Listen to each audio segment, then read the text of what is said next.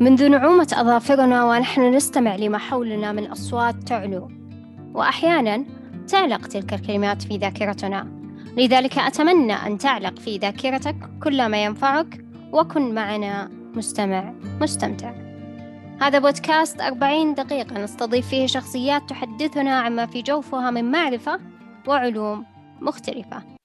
واليوم نستضيف شخصية أبدعت في مجالها وما يحمله من مواضيع مختلفة. لذلك دعونا نتحدث معها عن الصدمات العاطفية. أهلا أهلا أستاذة مريم. أهلا وسهلا فيك إيمان. حياك الله. عرف المستمعين عن نفسك. مريم الخواجة آه، مدربة ولايف كوتش متخصصة في مجال آه، إعادة بناء الذات والاتصال بالجوهر. وهذه بحد ذاتها آه، في خلفها فلسفة أؤمن بها وإنه علشان تسير في هذه الحياة وتعرف إيش الشيء المناسب لك وإيش القرار اللي لازم تتخذه عليك أولا إنك تتصل بذاتك. وقبل لا يكون في حالة من الاتصال بالذات إذا هذه الذات فيها أي جروح أو شروخ أو مثل ما راح نتكلم اليوم ونعرف عن موضوع الصدمات العاطفية فمعناته أولا تحتاج إنك تبني هذه الذات وبعدين تتصل فيها. تمام. آه، أستاذة مريم ماذا نعني بالصدمات العاطفية؟ الصدمة العاطفية راح يكون لها ممكن الكثير من التعريفات. ممكن لو يكون شخص متخصص في مجال علم النفس راح يعرفها بطريقة أكاديمية علمية معينة. فالصدمة باختصار أقدر إني أنا أعرفها إن هي عكس السريان. لو تشوفين مثلا الطفل في عمر سنتين ثلاث سنوات أربع سنوات دائما يكونون منطلقين. دائما يكونون واثقين من أنفسهم دائما يكونون أيضا واثقين بالآخرين ويشعرون بالأمان إنهم مثلا في مكان عام في حديقة إنهم يذهبون ويتعرفون على الآخرين أو يتكلمون معاهم. هذا الشيء الطبيعي اللي يكون في في, في البشر منذ الطفولة. فالسؤال ليش لما بعدين نبدأ ندخل في مرحلة الابتدائية فترة المراهقة فترة الجامعة؟ يعني كل ما كبر عمر الإنسان نجد أنه ممكن يكون أقل ثقة بنفسه يكون أقل حيوية من الطفل الصغير. إيش الفرق؟ فعادة الفرق يكون إنه صار في توقف للسريان توقف لطاقة الحياة توقف لطاقة العفوية والشعور بالانطلاق والشعور بالأمان والثقة إنك تكون كإنسان متواجد في هذه الحياة. طيب إيش اللي يوقف هذا الشيء؟ هي الصدمة. والصدمة عادة تكون مثل ما قلنا الشيء اللي أنت تعرضت له وعمل لك بلوك أو إيقاف لطاقة الحياة أو للعفوية أو للسريان أو للشعور بالحياة باختصار. فالصدمة هي أنا أحب أن أنا أعرفها أو أنظر لها إن هي عكس السريان. طيب سريان إيش؟ اللي هو سريان الطاقة أي طاقة طاقة الحياة. والكلمة الثانية اللي هي العاطفية صدمة عاطفية. العاطفية بمعنى إنها تكون نفسية إنها تكون مشاعرية. فالشيء اللي يتعرض له هذا الطفل أو أي الإنسان في أي مرحلة من مراحل حياته عمل له صدمة أو عمل له block في الجانب العاطفي أو الجانب النفسي بمعنى في شعور معين كان هو المفروض إنه يطلع بس هو ما طلع. انعمل له مثل shock وهذه الشحنة المشاعرية انحبست. ولما انحبست عملت block أو عملت منع للسريان للطاقة. فهم كثير مرتبطين في بعض إنه تعرض لصدمة تعرض لشيء غير متوقع شيء مفاجئ ممكن يكون مخيف ممكن يكون شعور بفقدان الأمان فقدان للحب فقدان للشعور بالانتماء أو التقبل من, من, من, قبل المحيط اللي هو فيه هذا الإنسان. يعمل له block في طاقة الحياة. هذه ال block يمنع عنه السريان اللي هي آه، طاقة العفوية وطاقة الانطلاق. فهذه كلها باختصار الآلية اللي تصير فيها الصدمة العاطفية. حلو. آه طيب أستاذة ليش علاج الصدمات أمر مهم؟ من خلال التعريف أو الشرح اللي شرحت فيه الصدمة العاطفية لو تلاحظين قلنا إنه الإنسان أو الطفل في بداية حياته يكون منطلق. يكون الحياة أصلا كأنها تسير في في جسده في عقله في مشاعره. يعطي حب للآخرين مستعد إنه يستقبل حب من الآخرين. يعطي ثقة وأمان لنفسه إنه يجرب الأشياء الجديدة يكون مغامر. تلاقين الطفل يتسلق يروح يبي يركض في الشارع ما عنده أبدا هذا الخوف. لكن عكس ذلك لما يتعرض لصدمة هذه الصدمة لما يتعرض لها وتحبس عنده هذه الطاقة فمعناته هو أكثر خوف أقل شعور بالأمان يشعر مثلا بقلة في الثقة بالنفس أيضا غير قادر أنه يثق في الآخرين راح يفقد الرغبة أو القدرة إنه يكون مغامر مستكشف بمعنى إنه إقباله على الحياة راح يكون أقل. لذلك علاج الصدمات شيء ضروري لأنه هو يكافئ نوعية الحياة اللي أنت راح تعيشها ونوعية التجارب اللي أنت راح تخوضها. إذا في إنسان هو مغامر ومنتفع في الحياة ومنطلق هو مش هذه لنا شخصيته لأن هذا الشيء الطبيعي وفي المقابل إذا شخص يخاف أو يتردد أو يحاسب نفسه كثير إيش يسوي وإيش ما يسوي هذا مو إنها هي شخصيته لا هذا بسبب الصدمة اللي هو تعرض لها. في فترة معينة من فترات حياته أدت إنه يكون عنده هذا النوع من التراجع وانخفاض في طاقة الحياة أو العفوية في الحياة أو الإقدام للحياة. حلو إن الواحد يكون حذر لكن أيضا يكون بسبب منطق معين أو بإرادة حرة مش بسبب خوف أو بسبب قلة ثقة. فعلاج الصدمات جدا ضروري لأنه الصدمة هذه لما نتعرض لها خصوصا كل ما كانت عميقة وكل ما كانت في فترة آه، متقدمة أو يعني في في المراحل الأولى من حياة الطفل كل ما أدت إنها تشكل شخصيته فالإنسان بعدين يكبر يفكر إنه هذه شخصيته أنا شخصيتي مثلا متردد أو أنا شخصيتي خواف أو أنا شخصيتي مثلا لا أثق بالآخرين. أو أنا غير واثق من نفسي فيعتبر إن هذه شخصيته لا هذه مو شخصيتك لأن هذا مو أصل الإنسان إنه يكون بهذه الطريقة. هذا أنت تعرضت لصدمة هذه الصدمة شكلت شخصية جديدة اللي إحنا بين قوسين نسميها قناع أو نسميها ذات مزيفة علشان تحمي نفسك إنك ما تتعرض مرة ثانية للصدمة. فلاحظي مجرد إنه يتعرض الإنسان لصدمة واحدة عميقة في عمر جدا صغير وممكن تتكرر نفس الصدمات هذه الصدمة بحد ذاتها راح يجاهد العقل ويبذل الكثير من الجهد إنه يحمي الإنسان إنه يتعرض لنفس الصدمة. فمعناته أنت معظم حياتك في حالة تجنب معظم حياتك في حالة هروب معظم حياتك أنت في حالة حماية للذات. وهذه كلها أنت تفكر أنها شخصيتك أو تفكر أنه هذا القرار السل... القرار السليم بالنسبة لك لكنه في الحقيقة هو كله هروب من أنك تتعرض لنفس الصدمة. والمشكلة أن معظم هذه الأشياء تصير بطريقة غير واعية. إلى أن يتم اكتشاف وجود صدمة أو إدراك أن أنت عندك صدمة وتتخذ القرار أن أنت حاب تفك هذه الصدمة. بمعنى تفك البلوك اللي صار لك. بمعنى تشيل الانحبا... الانحباس المشاعري والشحنة المشاعرية اللي خزنت في جسمك.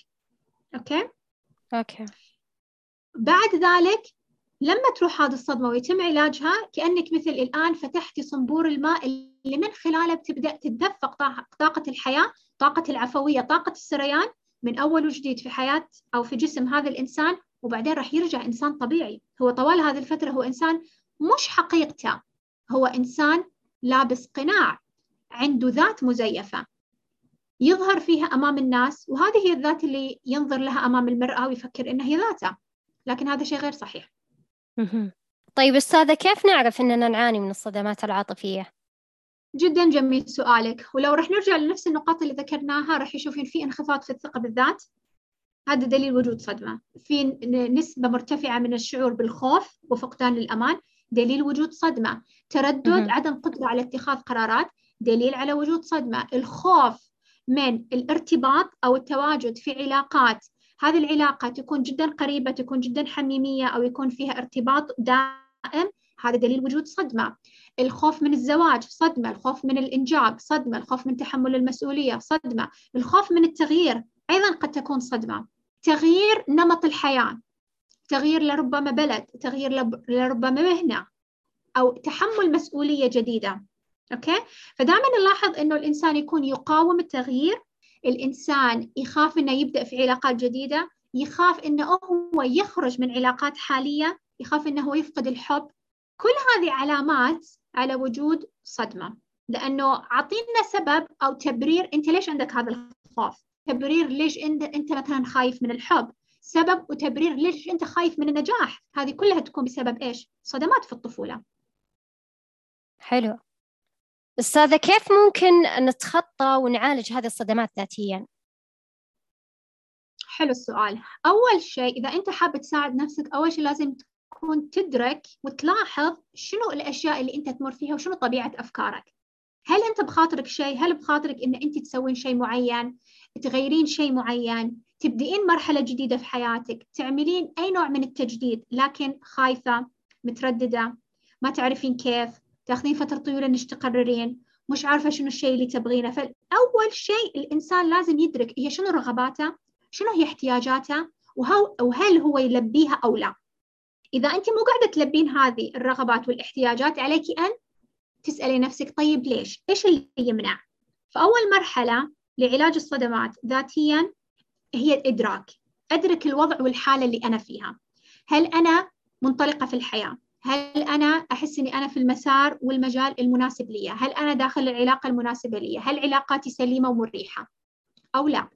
طيب إذا لا أعمل تقييم إيش الخلل الموجود وإيش الشيء اللي هو مش عاجبني وأي من هاي الأشياء اللي أنا أشوفها مش عاجبتني هي بسببي أنا شخصيا بسبب ذات الإنسان بسبب إما طريقة تفكيره بسبب نوعية مشاعره بسبب طريقة سلوكياته فيعمل معاينة ذاتية. بعد ذلك إذا قدر إنه هو يحدد وين المشكلة بالضبط وهل هو قاعد يعيش حياته بناء على الرغبات اللي عنده إياها بناء على الاحتياجات اللي عنده بناء على الشيء اللي يخليه هو منطلق شغوف في الحياة. أوكي؟ يعني هل لما أنت تستيقظ كل يوم تكون أنت مقبل إنه عندك يوم جديد وهذا الجديد متحمس إنه كيف راح يكون؟ وينتهي يومك. على نهاية اليوم وأنت تحس متحمس إنه هذا اليوم كيف كان رائع وكان حافل وكان فيه الكثير من الإنجازات ولا لا؟ لأن هذه هي الحياة. الحياة لازم تكون بهذه الطريقة صحيح فيها بعض الانخفاضات والتقلبات لكن هذه راح تكون مثل إيش؟ الرياح العاتية اللي راح تمر وراح تروح. مثل السحابة السوداء اللي بتمر وبتروح. لكن النسبة العظمى من حياتك وأيام حياتك وسنوات عمرك شنو الجودة الحياة اللي فيها؟ هل أنت في طاقة السريان؟ هل أنت في الأريحية؟ هل أنت تحس أن أنت ماسك القيادة والسيطرة في حياتك؟ ولا أنت قاعد تمشي عكس التيار؟ وكل شيء قاعد يصير عكس اللي أنت تبغاه وأنت في حالة مقاومة وأنت في حالة فقط عيش دراما مستمرة فأولا التقييم بعد ما تقيم وتحدد إيش المشكلة أو يكون عندك تصور هل المشكلة خارجية ليست تحت سيطرتي أو من المشكلة داخلية تحت سيطرتي بمعنى إن هي في أفكاري في مشاعري في سلوكياتي في إني أنا مش قاعد أكون حقيقي كفاية مش قاعد أظهر رغباتي. بعد ذلك يتم الاستعانة بشخص متخصص. يا إما في المجال السلوكي أو مجال علم النفس مثلا العلاج السلوكي المعرفي لأنه يساعدونا في تقييم معتقداتنا ضبط مشاعرنا تغيير سلوكياتنا أو مجال ال coaching اللي هو تقديم الجلسات الخاصة اللي تساعدك إن تعطيك التمكين إنه أنت كيف تدير حياتك وكيف تفهم نفسك وكيف ترفع من مستوى وعيك وإدراكك لذاتك. حلو. أستاذة متى الوقت اللي نحتاج فيه إلى تدخل شخص آخر مثلا كوتش يساعدنا؟ بعد ما يكون الإنسان قضى مع نفسه فترة من التأمل وطرح الأسئلة الذاتية تقييم الحياة. قيم حياتك. هل في شيء في نقطة أنت تبغى توصل لها ومو قادر توصل لها؟ هل في شيء في الماضي راح وانتهى لكنك ما زلت عالق فيه؟ جرب مع نفسك من خلال الاطلاع من خلال البحث من خلال طرح الأسئلة على ذاتك من خلال طرح الأسئلة على الآخرين يكونوا ممكن مروا في تجارب شبيهة من تجاربك. وحاول أنك تبحث عن حلول. في حال أن استمرت الحالة معك استمر الوضع معك وأنت إلى الآن مش قادر تعرف إيش المشكلة بالضبط. مش قادر تحقق الشيء اللي أنت تبغى تحققه. مش قادر تبدأ المشروع اللي تبغى تبدأه. مش قادر تنهي العلاقة السامة أو الدرامية اللي أنت فيها. وحاولت مع نفسك وبذلت الجهد. بعد ذلك تحتاج أنه أنت تستعين بشخص مختص. ليش نحتاج نستعين بشخص مختص بعد مدة من محاولة حل المشكلة بأنفسنا؟ لأنه دائما يقولون العقلية اللي سببت المشكلة لا يمكن لها أن تحل المشكلة. بمعنى أنت بطريقة تفكيرك بأنماط التفكير اللي عندك بسلوكياتك بالشحنة المشاعرية اللي أنت عليها معظم الوقت بالمهارات اللي عندك بالمعلومات اللي عندك بالذخيرة بالتجارب اللي عندك إياها. الحين أنت يعني لربما استهلكتها جميعها سخرتها كلها لكن ما أدت إلى حل حل المشكلة ولربما هي نفسها كانت سبب في تكوين المشكلة okay؟ okay. فهنا تحتاج إن أنت تستعين بأشخاص آخرين عندهم وعي آخر عندهم منظور آخر عندهم قدرة على النظر لوضعك ومشكلتك من زاوية أخرى ويمسكون بيدك وينقلوا لك لهذه الزاوية علشان تشوف حياتك ونفسك من زاوية مختلفة فهنا يصير في تغيير في الوعي تغيير في الإدراك تغيير في المنظور. ممكن تكون أنت لابس نظارة معينة وتنظر لحياتك من خلالها وهذه النظارة أقصد بمعنى يكون عندك معتقد معين معتقد تعميم مثلا إن الناس كلهم كذي أو الرجال كلهم كذي أو البلد دائما كذي. فدائما يكون في لوم ويكون في تعميم. فهذه نسميها نظارة. أنت قاعدة تشوف الحياة من هذه النظارة. طيب هل هذه النظارة هي نظارة سليمة؟ لا هي نظارة غير سليمة. فلما تكون مع كوتش أو مختص علاج سلوكي معرفي يساعدك إن أنت تبدل هذه النظارة. واصلا تفهم هذه النظارة اللي أنت لابسها من وين جاية؟ من أي تجربة أنت مريت فيها؟ من أي حوار كان بينك وبين الآخرين؟ ويعني أقنعوك في هذا الكلام بين موقف صار في الطفولة في التربية في النشأة. خلاك تكتسب هذه النظارة اللي على أساس الحين قاعد أنت تشوف الحياة. فهنا أهمية إنه الإنسان يبدأ يستعين باشخاص آخرين. الفكرة كلها علشان تساعدك إن أنت تغير من معتقداتك توسع من منظورك تنظر للموقف اللي أنت فيه أو المعضلة اللي أنت فيها. من زاوية أخرى تستعين بمهارات وخبرات هي مش موجودة عندك أصلا. بالتالي يكون عندك النمو الكافي إن أنت تنتقل للمرحلة اللي تبي تنتقل فيها. حلو. طيب أستاذة ما هي الصعوبات آه، التي قد يواجهها الشخص عند علاج الصدمات العاطفية؟ الصعوبات اللي قد يواجهها شخص عرف إنه عنده صدمة عاطفية أول شيء هي الخوف من التغيير.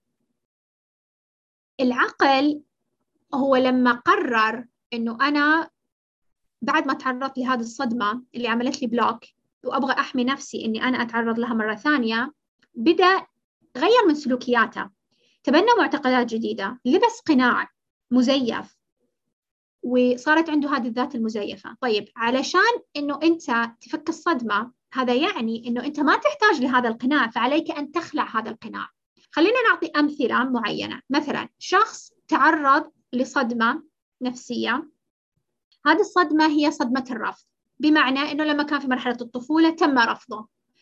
إما مثلا في مرحلة الجنين تم رفض الحمل أو تم رفض جنس المولود أو بعد الولادة تم رفضه من قبل مثلا الإخوة في أخوة أكبر منه. تم رفضه مثلا لتصرفاته لسلوكياته. تم رفضه لشكله للونه. تم رفضه ممكن في المدرسة. شكله مثلا كان مختلف فرفضوه الزملاء. ايا كان مصدر الرفض الرفض بحد ذاته يعتبر من الصدمات العميقة جدا اللي اللي تصيب الروح. مش فقط تصيب الجسد أو الإنسان أو الشخصية لا هي تصيب الروح. فهي صدمة جدا قوية. طبعا هذه واحدة من الصدمات. في صدمات أخرى بأنواع مختلفة. أيضا تعتبر من الصدمات الجدا عميقة اللي لو يتعرض لها الإنسان في مرحلة متقدمة من آه، يعني في بداية حياته تشكل شخصيته تخليه يلبس القناع تخليه إنه هو يبدأ يتصرف بطريقة مختلفة فقط على عشان يحمي نفسه. طيب شخص تعرض لصدمة رفض إيش التغيير اللي راح يصير في شخصيته؟ إيش القناع اللي راح يلبسه؟ راح يلبس قناع إنه هو دائما يرغب في إرضاء الآخرين. دائما يتجنب إنه هو يقول كلمة لا لأنه ما أبغى الرفض.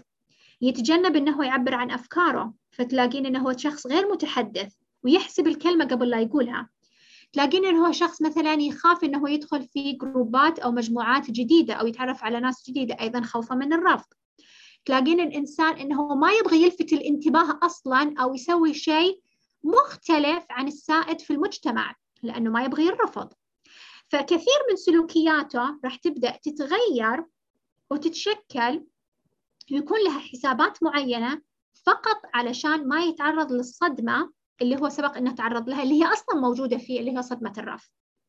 فشخص يتعرض لصدمة رفض مباشرة راح يبدأ يلبس قناع ذات مزيفة ويتصرف بسلوكيات معينة.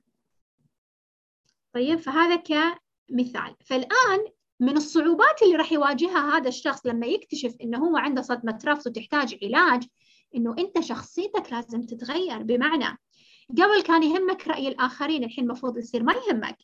قبل كنت ما تعرف تقول لا الحين لازم تتعلم تقول لا. قبل مثلا كنت دائما فقط تريد أن ترضي الآخرين وتسأل الآخرين ما الذي يعجبهم. الآن لازم تفكر أنت إيش اللي يعجبك وتعبر عنه وتقوله للآخرين وتفرض عليهم في حال أن أنت احتجت أن تفرض عليهم من خلال أنك أنت ترسم حدود معينة. فشوفي كل هذا التغيير في الشخصية والطريقة. هذه واحدة من الأشياء اللي قد تكون من الصعوبات اللي راح يواجهها الشخص في بداية مراحل علاج الصدمة إنه أنت كإنسان تتغير. طيب إذا هو أصلا معرض لصدمة رفض ويخاف من رفض الناس والحين لازم يشتغل على تغيير نفسه فأكيد راح يجي له هاجس وخوف إنه كيف راح يتقبلون شخصيتي الجديدة؟ فأيضا هذا راح يكون واحد من المخاوف اللي راح يفكر فيها. طيب أنا لو تغيرت هل راح تستمر العلاقة هذه ولا ما راح تستمر؟ هل راح أكون محبوب ومقبول بنسختي الجديدة ولا لا؟ فممكن إنه يدخل في إيش؟ يدخل في مقاومة. تلاقين إنه هو حاب يتعالج بس أيضا رجل قدام ورجل ورا. لأنه خايف من هذا التغيير. لو إنه هو تغير طيب مين اللي راح يتقبله الآن لما هو يبدأ يظهر شخصيته الحقيقية ويبدأ يعبر عن نفسه ويبدأ مثلا يلبس بال style اللي هو يناسبه مش ال style فقط اللي يتوقعه منه الآخرين. فهناك الكثير من الأشياء اللي يحتاج إنه يواجهها مع نفسه. وفي النهاية هل راح يختار التغيير أو راح يختار إنه يبقى في هذا القناع؟ فالمواجهة الخوف من التغيير الخوف من إنه التغيير هذا أيضا يغير الآخرين عليه ويتصرفون معاه يمكن يتعرض لرفض أو ما يكون في قبول. ففي كثير من الصعوبات التي قد يواجهها الشخص. لذلك مسألة علاج الصدمات لأنها كثير مرتبطة بمسألة إنه راح يصير في تغيير في شخصيتك راح يصير في تغيير في نظرتك لنفسك راح يصير في تغيير في منظورك راح يصير تغيير في الأطر والنظارات اللي أنت تشوف الحياة من خلالها. فلذلك تحتاج شخص مختص معك لأن لاحظي كل هذه الأشياء اللي أنت راح تغيرها هي عكس شخصيتك الحالية فهي أكيد مش موجودة في وعيك وإدراكك وخبراتك وتجاربك ومهاراتك وأنت كل هالأشياء مفتقدها. لذلك هنا يأتي مسألة أهمية تطوير الذات الوعي بالذات العمل على إعادة بناء الذات. مثل ما ذكرت في المقدمة أنه إعادة بناء الذات هو المجال المتخصصة فيه لأنه خلفه خلفه فلسفة فلسفة جدا عميقة بمسألة إنه أنت هذه الذات المزيفة تحتاج إنك تهدمها ولما تهدمها تحتاج إنك تبني شيء جديد والشيء الجديد لازم الآن تبدأ تختاره بوعي وليس كردة فعل رغبة في البقاء مثل ما صار في الطفولة. القناع هذا اللي تشكل الذات المزيفة هذه اللي تشكلت هي كانت بهدف الرغبة في البقاء. فعشان أنا كطفل أضمن إني أنا أبقى في هذه الحياة والآخرين يحبوني ويتقبلوني فلازم ألبس هذا القناع اللي هو أنا إيش؟ أكون آه، أسعى لإرضاء الآخرين. أحاول إني أنا أخفي أفكاري مشاعري حقيقة ما أفكر فيه حقيقة ما أشعر فيه. رسالة اليوم منك إلى المستمعين. ممكن الشيء اللي أبغى أقول لهم إياه إنه إذا أنت ما قاعد تعيش حياتك الآن من منطلق حقيقتك فمعناته أنت قاعد تعيش حياتك من منطلق ذات مزيفة. وأبدا مش حلو إن أنت تعيش الحياة من خلال ذات مزيفة لأنك ما راح تكون حقيقي مع ذاتك وما راح تكون أبدا حقيقي مع الآخرين. وطالما مثلا وصلك هذا المقطع وقاعد تسمعنا وصلتك هذه الرسالة فمعناته أنت وصل عندك الإدراك إنه تعرف إنه في ناس عايشين حياتهم من منطلق أقنعة وذوات مزيفة وأنت قد تكون واحد منهم. فمعرفتك بهذا الشيء الآن تعطيك وتحملك المسؤولية تجاه نفسك إذا كان عندك حب كافي للذات إذا كان عندك تقدير كافي للذات وتقدير كافي لحياتك إن أنت كيف حابب تعيش بحياتك. هل من خلال حقيقتك أو من خلال قناع تم تكوينه في مرحلة معينة في الماضي وبعدين أنت ما زلت مستمر ولابس هذا القناع وما زلت مستمر وتلعب هذا الدور اللي هو مش أنت في الحقيقة؟ رسالة جدا جميلة. وأتمنى أنهم يعني يفهمون هذه الرسالة ويلحقون على أعمارهم إذا كان متواجد عندهم صدمات عاطفية سواء يعالجونها ذاتيا أو يحتاجون يعني شخصيات مثلا كوتش ولا آه زي ما قلتي آه معالج نفسي يعني آه اللي يكونوا مختصين بعلم النفس السلوكي. فبإذن الله بإذن الله أن الكل آه يتخلص آه من هذا النوع من آه الصدمات العاطفية. ونقطة جدا رائعة ذكرتيها مسألة خلي يداركون أنفسهم. آه وحابة أنوه على موضوع إنه الشخص إذا كان لابس قناع ما يقدر إنه هو يكون مع أشخاص حقيقيين في بعض الأحيان. لأنه الأشخاص الحقيقيين بطريقة غير واعية راح يوصل منهم رسائل إن أنت غير حقيقي. مثلا الشخص الحقيقي راح يكون شجاع راح يكون معبر راح يكون ذاته بينما الشخص اللي لابس قناع ليس كذلك. وأيضا الشخص اللي يلبس قناع ما يقدر إنه هو يربي أبناء حقيقيين. راح يربي أبناء أيضا يلبسون أقنعة. وعلى هذا سيداتي وسادتي دمتم بخير وشاركوني تعليقاتكم على هذه الحلقة في أحد مواقع التواصل الاجتماعي.